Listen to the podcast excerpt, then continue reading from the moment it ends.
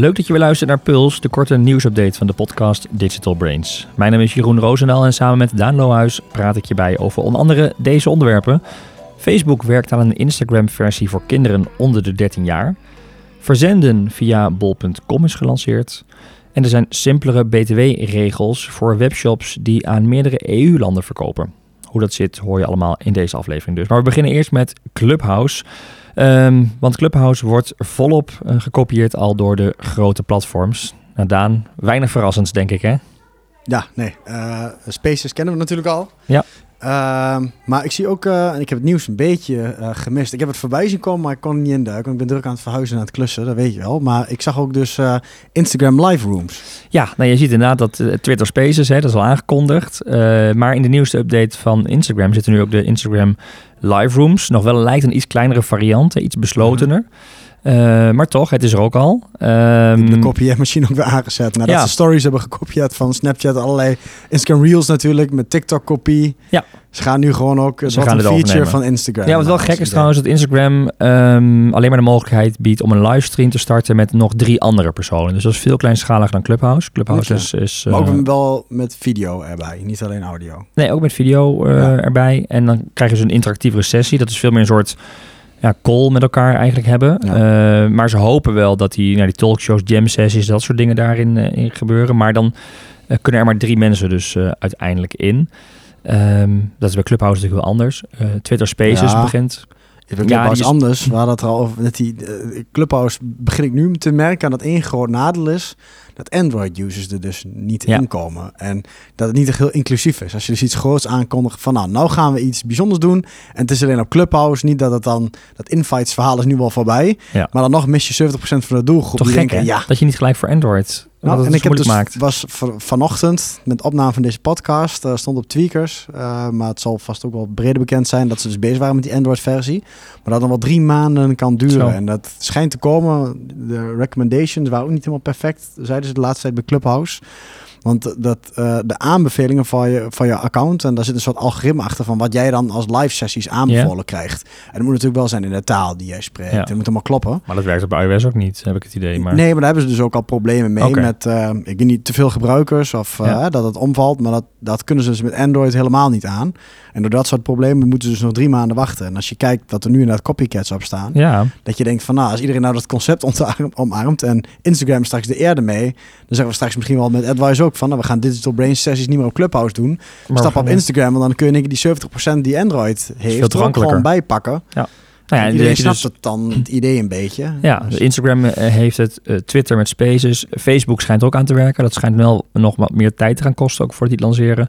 Maar kortom, het is inderdaad een kwestie van tijd voordat het ja. gemeengoed wordt op alle platforms. En de vraag is dan inderdaad, wie gaat dan winnen? Want Clubhouse is natuurlijk helemaal op zichzelf. Daar moet je echt een nieuw account aan maken, een nieuw profiel, nieuwe vrienden volgen. Terwijl ja. geïntegreerd in Instagram, Twitter of Facebook, je, nou ja, al ja, een hele omgeving. influencers die ook mensen kunnen... Hele bereik al. Ja, wij vinden het leuk, hè, Clubhouse. Ik denk, luisteraars ook, die hebben degene die het konden in een uh, iOS-apparaat uh, hebben, die proberen het vast wel. Maar uh, ja, ik zeg dat mijn moeder of we spreken iemand uit mijn familie die totaal niet tech-savvy is of dat gewoon geen interesse voor heeft. En nee. misschien wel helemaal zich kapot Instagramt. Die zal het niet zo snel gebruiken. En als het dan in één keer in Instagram zit en de nieuwe influencer of de, de, de influencers die ze volgen gaan dat doen. Ja. Dan in één keer wordt het omarmd. Ik en dan, uh... denk vooral voor de minder tech-savvy doelgroep is het, komt het naar je toe in een app die je al gebruikt? Of moet je naar een nieuwe app om er gebruik van te kunnen maken? En ik denk als het naar je toe komt, dat dat natuurlijk een veel grotere kans van slagen heeft. Ja, kijk maar naar stories toch? Dat was op ja. uh, Snapchat al een tijdje populair. En dan dacht iedereen van, nou, wat die mensen met stories toch gek? Moet je 15 seconden, 10 seconden een filmpje maken en dat is dan grappig. Dat doet er niemand, ja. Dat doet er niemand. En ik zit in Instagram en nu niemand posten wat op de tijdlijn. Ook de mensen die Instagram voor de eerste keer gebruiken, zetten nog eerder wat uh, op, op stories, stories geloof ik, dan, op de... Dus ja, dan zie je hoe dat gaat. Dus ja. Nou ja, we, we benieuwd dus wat het ook gaat betekenen voor Clubhouse zelf. Is het inderdaad zo tijdelijk dat het heel snel overgenomen wordt, of gekopieerd wordt en uh, compleet weer uh, verdwijnt. In ieder geval, verdiep je wel even op Clubhouse, dan kun je al wel experimenteren en dat kun je straks waarschijnlijk op je bekende platforms gaan toepassen. Over die andere platforms gesproken, met name even Facebook. Uh, en Instagram, want uh, zeg maar, het bedrijf Facebook werkt aan een Instagram-versie voor kinderen onder de 13 jaar. Dat is nu het probleem. Hè? Die mogen, je mag pas een account ja. hebben vanaf uh, 6, ja, 13 denk ik dan. Volgens mij liggen ze massaal over hun leeftijd. Maar... Dan kom je ook doorheen inderdaad. hè? Er is geen verificatie of bijna niet.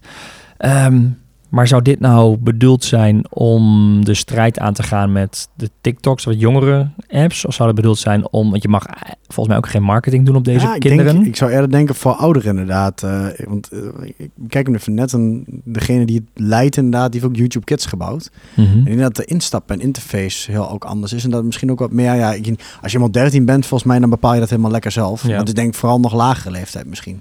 Denk je ook niet, als je zegt van, goh, 8 of 9, de kinderen wel laten wennen aan het principe van social media. Want ik denk wel, net als met opvoeding, als je je kinderen eh, al dat soort dingen compleet ontzegt totdat je 13 bent en dan in één keer dan gaan ze stappen ze los. die wereld in, dat is volgens mij ook niet gezond. Nee, dus, nee. En net als met YouTube Kids, daar kun je volgens Maar mij wel... Daan, dat je zegt dat is niet gezond. Dat is eigenlijk dat je, het is bijna een levensbehoefte. Dat, je moet er dus al mee opgroeien. Ah, ja, maar ik denk omgaan met, toch? Ja, ja, oké. De Mediawijsheid. Mediawijsheid. Maar Ja, als je, hetzelfde als je... ehm, hm, ik heb geen goed voorbeeld, maar eh, ja, alcohol is misschien niet perfect voorbeeld. Maar dat is ook inderdaad, als je dan in één keer uit het niets eh, je zegt, nou, eh, nu mag het.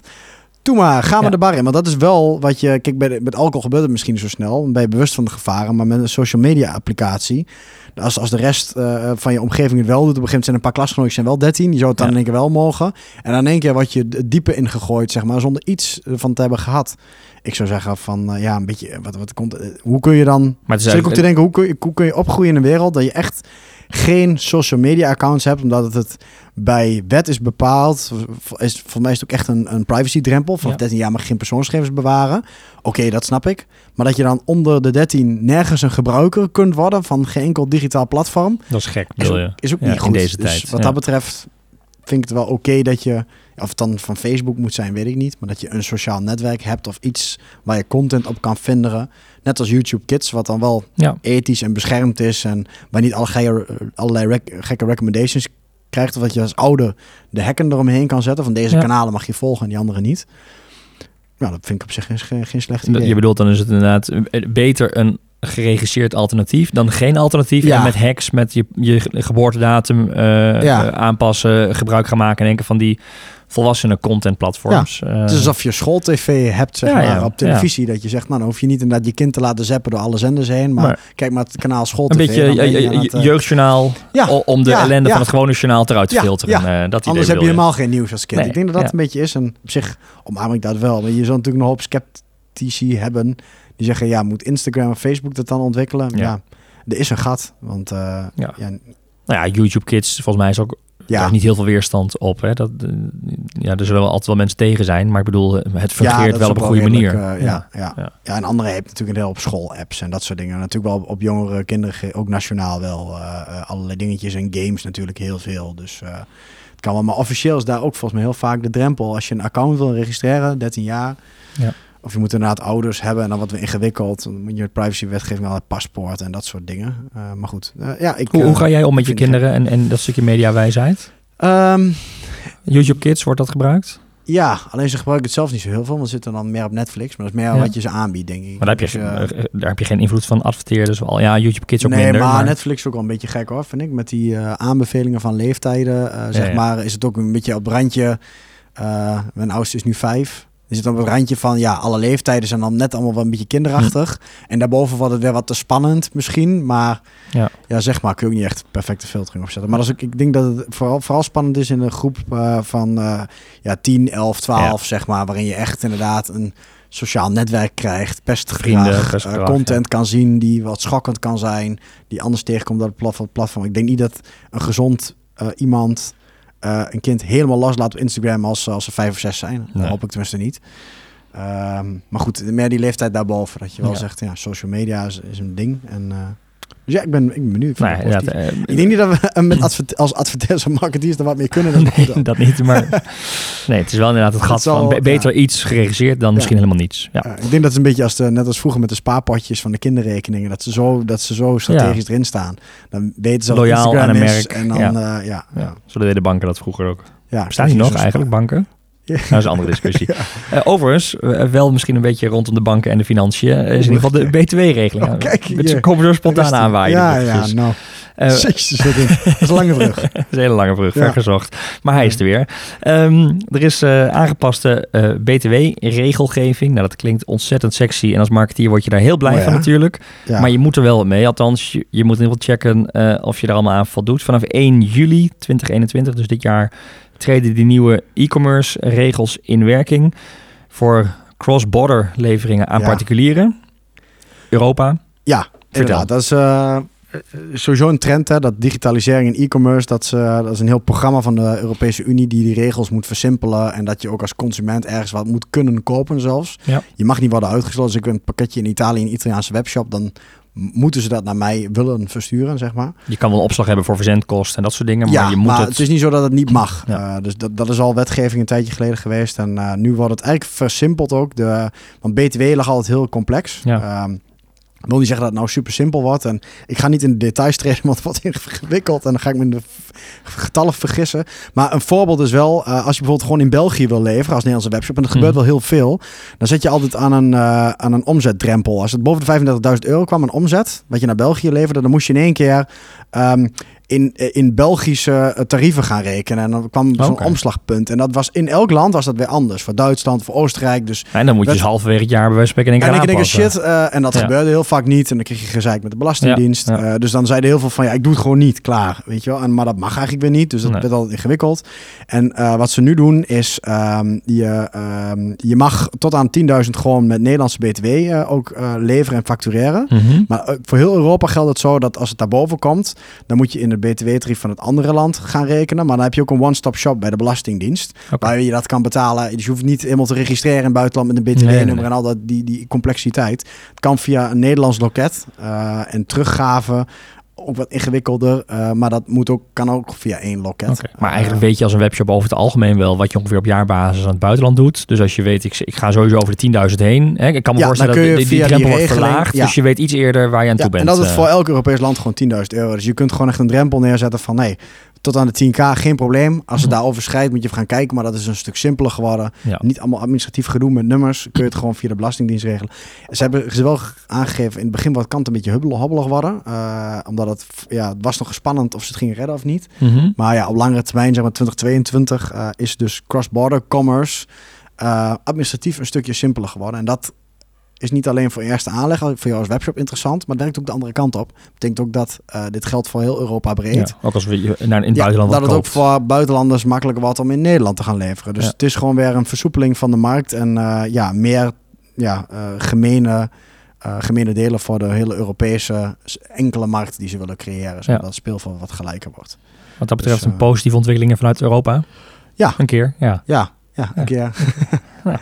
ja, nee, dus eh, net als de GDPR eigenlijk is het een beetje dezelfde wetgeving, zeg maar. Dat ze dat soort dingen gelijk, Gelijk gaan trekken trekken. om het simpeler te maken. Om Ja, want een, di- eh, digitaal zijn die EU grenzen niet zo hard. Nee, precies. Ja. Ja, ja, dus eh, ja, met name voor niche producten en zo denk ik, wordt het gewoon toegankelijker om dan Europa gewoon als markt te hebben in plaats van wat je inderdaad, ja, met die complexiteit die ik net noemde, als je in elk land een btw-nummertje moet Ja. hebben als je meer omzet gaat maken, dan wordt het echt een drempel om te gaan leveren. Dus Nou mooi, Ja. in ieder geval eh, check het even goed. Kijk naar je instellingen. Kijk wat voor omzet je eh, per jaar doet in een bepaald land. En zorg dat je dus met het juiste btw-tarief eh, gaat rekenen.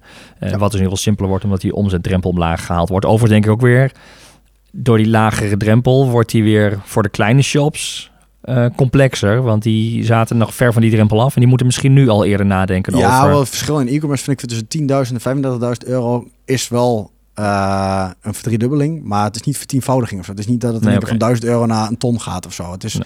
relatief gezien valt wel mee. En ik denk vooral ook dat ik, ik hoor vaak wel veel bij e-commerce partijen zeggen ja, we willen wel, maar hè, al dat administratieve gedoe. dat je zit al met verzending en iets langere verzendtijd en dan Ja. is het vaak ook een argument ja en de btw dat je denkt ja laat maar. Ja, ja en, helemaal als de btw-tarieven veranderen doordat de politieke eh, eh, situaties Ja, zijn. Dan wordt het ingewikkeld. En het zeker als het naar één land gaat vaak nog wel. Maar dan als je zegt en Duitsland erbij en we gaan ook nog Oostenrijk. We pakken heel de Duitsstalige regio. Ja. Wat dan wel weer ingewikkeld van. Dus eh, ja. Ja. dat scheelt. Een stapje in de goede richting. Ja. De ander- andere ontwikkeling, eh, Daan, die komt van bol.com. Die hebben, hadden ze ook al aangekondigd, hè, een, een eigen logistieke dienst, of een nieuwe Ja. logistieke dienst eh, voor de zakelijke markt. Eh, en daarmee richten ze zich vooral op de kleinere verkopers. En dat heet dan verzenden via bol.com. Wat houdt dat in? Ja, het is hetzelfde als... eh, ehm, het, het, lijkt, of, nou, het is niet hetzelfde. Daar waren wij ook al over in verwarring. De eerste keer dat ze lanceerden dachten... Hè? Eh, wat is het nou precies? Maar eh, het, het komt er vooral op neer dat eh, je, je pakketjes die je normaal voor bol.com verzendt... als jij een order krijgt als bol.com partner... want het is Mhm. voor de partners... ehm, dan verzend je dat met je DHL... of zo, zoals je Ja. net als voor je webshop zou doen... En ehm, dat was afgelopen jaar zorgde dat voor veel gedoe. Want jij bent dan ook als verkoper verantwoordelijk voor je verzending. Wat dus betekent als jij eh, DHL, als die een keer niet komt opdagen of die zijn twee dagen te laat, dan krijg je via bol.com een strike omdat jij dan de verzending als verkoper heb jij iets met de verzending verkeerd gedaan. Ja, dan Ja, lag aan de DHL of dan Ja. weet ik veel wat. Maar bol.com beoordeelt die partners eigenlijk ook op je verzend Ja. eh, eh, Ja. resultaten, zeg maar, hoe snel je bent. Precies, ja. En dan is het jouw schuld als, als een partner, als je verzendmaatschappij je dat verpest. En eh, dat was nog wel eens het geval afgelopen jaar. Je ziet ook in alle webshops nog steeds die meldingen overal Mhm. staan. Het is nog steeds geloof ik een beetje zo dat ja, de vervoerders onder druk staan. Uh, nou weet ik niet of dit een direct uh, een gevolg daarvan is. Dat ze zeggen, nou dan doen wij het wel. Uh, maar het zal ook een lange termijn strategische positione positionering zijn, denk ik, uh, van uh, Bol. Dat ze eigenlijk nu zeggen van je mag het. het begint kennelijk met PostNL, want overal staat je moet het naar een PostNL-punt brengen. Dus wat je dan doet is eigenlijk niet zelf een contract sluiten met de verzender, maar je spreekt het af met Bol.com. Die heeft dan redelijk normale tarieven daarvoor. En dan breng je het naar een PostNL-punt. En dan pakt Bol.com doet het verder voor jou. Of ze het via PostNL doen of met eigen vervoer, ik weet het niet. Het is wel een PostNL-punt. Het zal een samenwerking zijn. Maar dan, uh, ja, het enige wat jij moet doen is maandag tot met vrijdag en eventueel zaterdag de jouw bol.com bestellingen daarheen brengen. Ja. En dan neemt bol.com ook de verantwoording erover. Dus dan krijg je ja. geen gedoe meer met als er dan iets misgaat. Dan... De track and trace loopt via het platform. Ja. Dus ja, is eigenlijk integreren ze nog slimmer daarmee. Ja. En dat kan met alles uh, wat ook via PostNL zou kunnen. Dus uh, tot en met zo'n 23 kilo pakket en vanaf een, brief, uh, een envelopje al. Ja. Maar, maar de, het geldt dus als je een webshop hebt en je doet een deel via bol.com. Die pakketjes kun je op die manier uh, aanleveren bij PostNL. En dan neemt bol.com de verzending over. En ja. gaat dan iets mis met PostNL, dan is dat, word je niet op je vingers getikt. Want dat is uh, bol.com's verantwoordelijkheid ja, eigenlijk. die doen waarschijnlijk dat hele contractmanagement daarmee. Ja. Zouden ja. ze dan echt daar gewoon harde performance afspraken hebben, denk je? Ja, ik denk dat dat het is. Dat, ja. uh, en ook met meer zicht. En ik denk ook voor de klantervaring, echt de customer experience met bol.com. Uh, ja, ik je hebt zelf ook wel eens vast wat besteld uh, bij een bol.com partner. Ja. Maar dan krijg je van die geanonimiseerde ja. e-mails, die track and trace soms vaag. Ja. Niet helder van waar het dan is of vertraging. Dan krijg je weer van de ene vervoerder dit, van de andere vervoerder dat. Dus ik denk dat ze dat gewoon maar, maar ja, toch, willen maken. Heel eerlijk gezegd, de vraag is wel, ik, tenminste, ik twijfel wel een beetje of dit niet... Of, ja, bol.com pusht wel. Bol.com zet gewoon alle andere verzenders gewoon buitenspel op deze ja. manier. Bol.com ja. geeft gewoon aan, uh, PostNL is onze preferred supplier. Ja, ik denk uh, dat PostNL moet je mee doen. blij mee is. Ja. ja. Maar goed, als ze het regelen en uh, kijk, je, je bent als verkooppartner steeds vrij natuurlijk om het zelf in te vullen. Dat zal in het begin zeker ook zo zijn, want nog lang niet iedereen is natuurlijk over hier naartoe. Alleen ik denk dat ze wel inderdaad een beetje voortrekken, omdat ze de controle erover hebben. Dus en zeker gezien de toetreding van Amazon en dat soort dingen. Ja. Die verzending ook echt niet uh, heel strak heeft staan. Dat gaat maar op een vage manier via DHL. Dat is ook allemaal niet optimaal uh, qua user experience. Ik denk dat ze daar gewoon nu een voorsprong in willen nemen. Uh, maar voor de, maar goed, het is voor de concurrentie van PostNL is het wel echt uh, een hele harde slag, denk ik. Als, daar, uh, als het echt groot wordt. Als het ja, echt groot ja, wordt. ze hebben wel een behoorlijke lock-in zo. Ja, en ja, ja um, ik hoorde trouwens ooit, weet je wat, wat ik hoorde ooit de bol.com maar een euro, zelfs minder dan een euro per pakketje betaalt aan PostNL. Ja, die zullen redelijk wat ertussen wegslaan, ja, denk ja. ik. Uh, door zo'n Daarom hebben ze ook veel gratis verzending, hè? Want de 1 euro of een paar cent marge uh, weggeven kan makkelijk. Ja. Uh, in plaats, de consument betaalt natuurlijk, als je gewoon wat verzendt, 6,95 of zo. Ja. 7 euro nog wat voor een pakketje. Ja. Ja, dus ja, en ze nemen ook het, bijvoorbeeld het pakketverlies op zich. 75% als een pakketje spoorloos raakt bij PostNL, dan krijg je 75, als verkoper krijg je nog 75% terug. Ja. Ja, als verkooppartner word je wel heel erg ontzorgd. Ja. He, je stress om je ja, Als je gewoon een goed product hebt en je probeert het niet te pakken en dat soort marges, dan is het beter voor jou. Want je hebt de, de volgende stap is logistiek via bol.com. Dat is voor sommigen wat, nog wat te, te ver. Dat is net als een film bij Amazon. Dat dan leg je daar op voorraad. Echt daar op voorraad legt. Ja. Uh, en het alternatief daarvoor was tot nu toe, verzend het ook helemaal lekker zelf, doe het helemaal zelf. En je krijgt mm -hmm. zo'n geanonimiseerd e-mailadres, daar moet het pakketje heen en verstuur het maar. En uh, nu zit er dus wat tussen dat je het naar een PostNL kunt kan brengen, jouw bol.com bestelling elke dag en dan wordt het gewoon voor je geregeld. Ja, je koopt wel een soort strike. verzendzegels, hè? bol.com verzendzegels. Ja. En dan breng je de punt. Je moet alleen zorgen dat het op tijd bij het PostNL punt is. Als Ja. dat niet zo is, dan is heb je nog een probleem. Het is niet helemaal... uh, Ja. En je moet inderdaad eh, volgens mij Ja. vijf dagen per week werken. Ja. Eh, nou, in de show notes van deze aflevering zullen we ook een linkje eh, zetten waar je meer informatie vindt over dat verzenden via bol.com. Ja. En hoe je daar moet, eh, moet registreren. Eh, en Daan, dan heb jij nog een, een heel cryptische, eh, iets op het lijstje gezet wat, ik, wat heel cryptisch is. Vertel. Ja, je, je moet gokken. Nee, we hebben het eerder gehad over de zero-click searches. Dus eh, Ja. de statistiek van Google. Eh, en eh, we hebben iemand, eh, Rand Fishkin, de oude oprichter van eh, Mos.com, echt een grote eh, SEO-blog. Ehm, die, eh, die houdt het jaarlijks eh, een beetje bij. En eh, wij, wij vinden als marketeers dat inter- interessant, de zero-click search, want dat houdt het in. Eh, je hebt het zelf waarschijnlijk ook wel eens, dat je googelt en dat je uiteindelijk niet op een resultaat klikt. Of het is een antwoord wat je niet bevalt. Eh, maar het kan ook zijn dat je de informatie direct ziet. Een kaartje in Google Maps, Ja. zo'n antwoord, zo'n featured snippet. Of eh, ehm, van die eh, enriched data, of je ziet een plaatje wat het antwoord al geeft. Ja. Dus dan klik je niet, je ga je niet door naar een andere website. Dus Je blijft op. Google. Je blijft op Google. Dus, eh, en dat is altijd een bepaald ratio. En ik had er neergezet dat gok maar. Dus wat denk je dat Het gaat wereldwijd... hoe- hoe- hoeveel mensen hoeveel iets mensen zoeken, en, niet klikken doorklikken. volgens niet door naar een ander platform of een andere website. Ja, ik denk wel dat het sterk toegenomen is. Want ik zie, de Google is er slimmer in geworden. Ik denk dat het een, een, een percentage of eh, 30 is. Eh, nee, 20? het is ehm 65 procent. Zo hé. En het was eerder was het altijd ongeveer de helft, ongeveer. Dus 50 procent. Ehm, Maar, goed, dat is snel... het, is, het is wel flink gestegen inderdaad. Ja. Als je ook eh, kijkt in de statistieken. En dat, dat vind ik altijd wel grappig, een beetje voor bewustwording. Want je denkt altijd heel snel, in ieder geval wij als marketeers denken altijd aan commerciële eh, zoekopdrachten. Mhm. Van eh, koop dit of koop Ja. dat. Of je bent iets van producten te oriënteren. Maar je hebt natuurlijk een hele hoop zoekopdrachten die je gedurende de dag doet. Die totaal niet commercieel eh, zijn. En dan zie je zo'n mooie taartdiagram. En dan heb je de organische doorklikratio. de op, op, ga- op ga- organische gratis resultaten, Ja. zeg maar, geen advertenties zijn. Dat is dan ongeveer 33 procent. maar 1,6 procent zijn betaalde klikken in Google. Denk je, heel weinig. Ja. Maar wij denken dus altijd in commerciële termen. Omdat wij de hele dag in de marketing zitten. Ja. Van, Maar het is maar zo'n klein dat. onderdeel Maar je zoekt dagelijks natuurlijk naar locaties, eh, naar eh hoe hoog de is. Ja. Ja, eh, informatie van beroemdheid, dingen op Wikipedia. Geboortedata van mensen. ja, of, exact. noem maar op. Dus dat zit er ook allemaal in. Maar Ja. 65% dus. Je hebt dus die 33% organisch. 2% eh, ehm, eh, de, de betaalde resultaten. Ehm, en 65% dus eh, wat dus geen klik oplevert naar een platform toe. En dat Ja. is inderdaad gigantisch aan het, aan het toenemen. En eh, ja, wat, wat kun je daar ook meer als marketeer dan zeggen? Ja, leuk. Eh, dat neemt dus toe. Maar wat, wat ze er ook bij aangeven, voor die Rand Fishkin, en dat is wel een heel goed punt.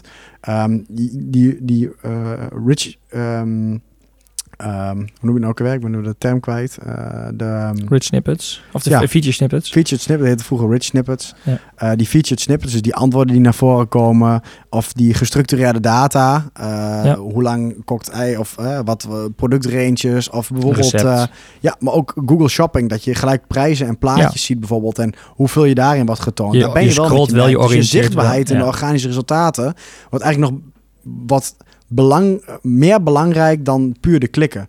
Dus dat je er altijd tussen staat en dat je antwoorden levert of eh, Dus hè, aanwezig zijn Ja. is belangrijker dan per se ja, de denk doorklik. ook eh, eh, Google ehm, eh, My Business, waar we het heel vaak over hebben. Dat is ook zo'n zero-click Ja, resultaat. Dan ga je naar Google My Business, Je kun je plaatjes al zien van het bedrijf. Je ziet adres, ja. reviews, plaat, adres en er zit ook een knopje website, maar hè, dat doet dus nodig. veel minder. Vaak niet nodig. Je gaat de routebeschrijving doen en je ziet bijvoorbeeld wel in Google Ads met store visits bijvoorbeeld terug dat iemand een route heeft gezocht Ja. eh, op je resultaat. Dus dat gaat gewoon een belangrijke rol spelen. En zeker afgelopen jaar, en natuurlijk ook misschien wel een beetje geholpen door corona, ik weet het niet. Ehm, eh, omdat het echt wel een trendbreuk is. Maar ja, het zou Google zijn die steeds meer die dingen aanbiedt.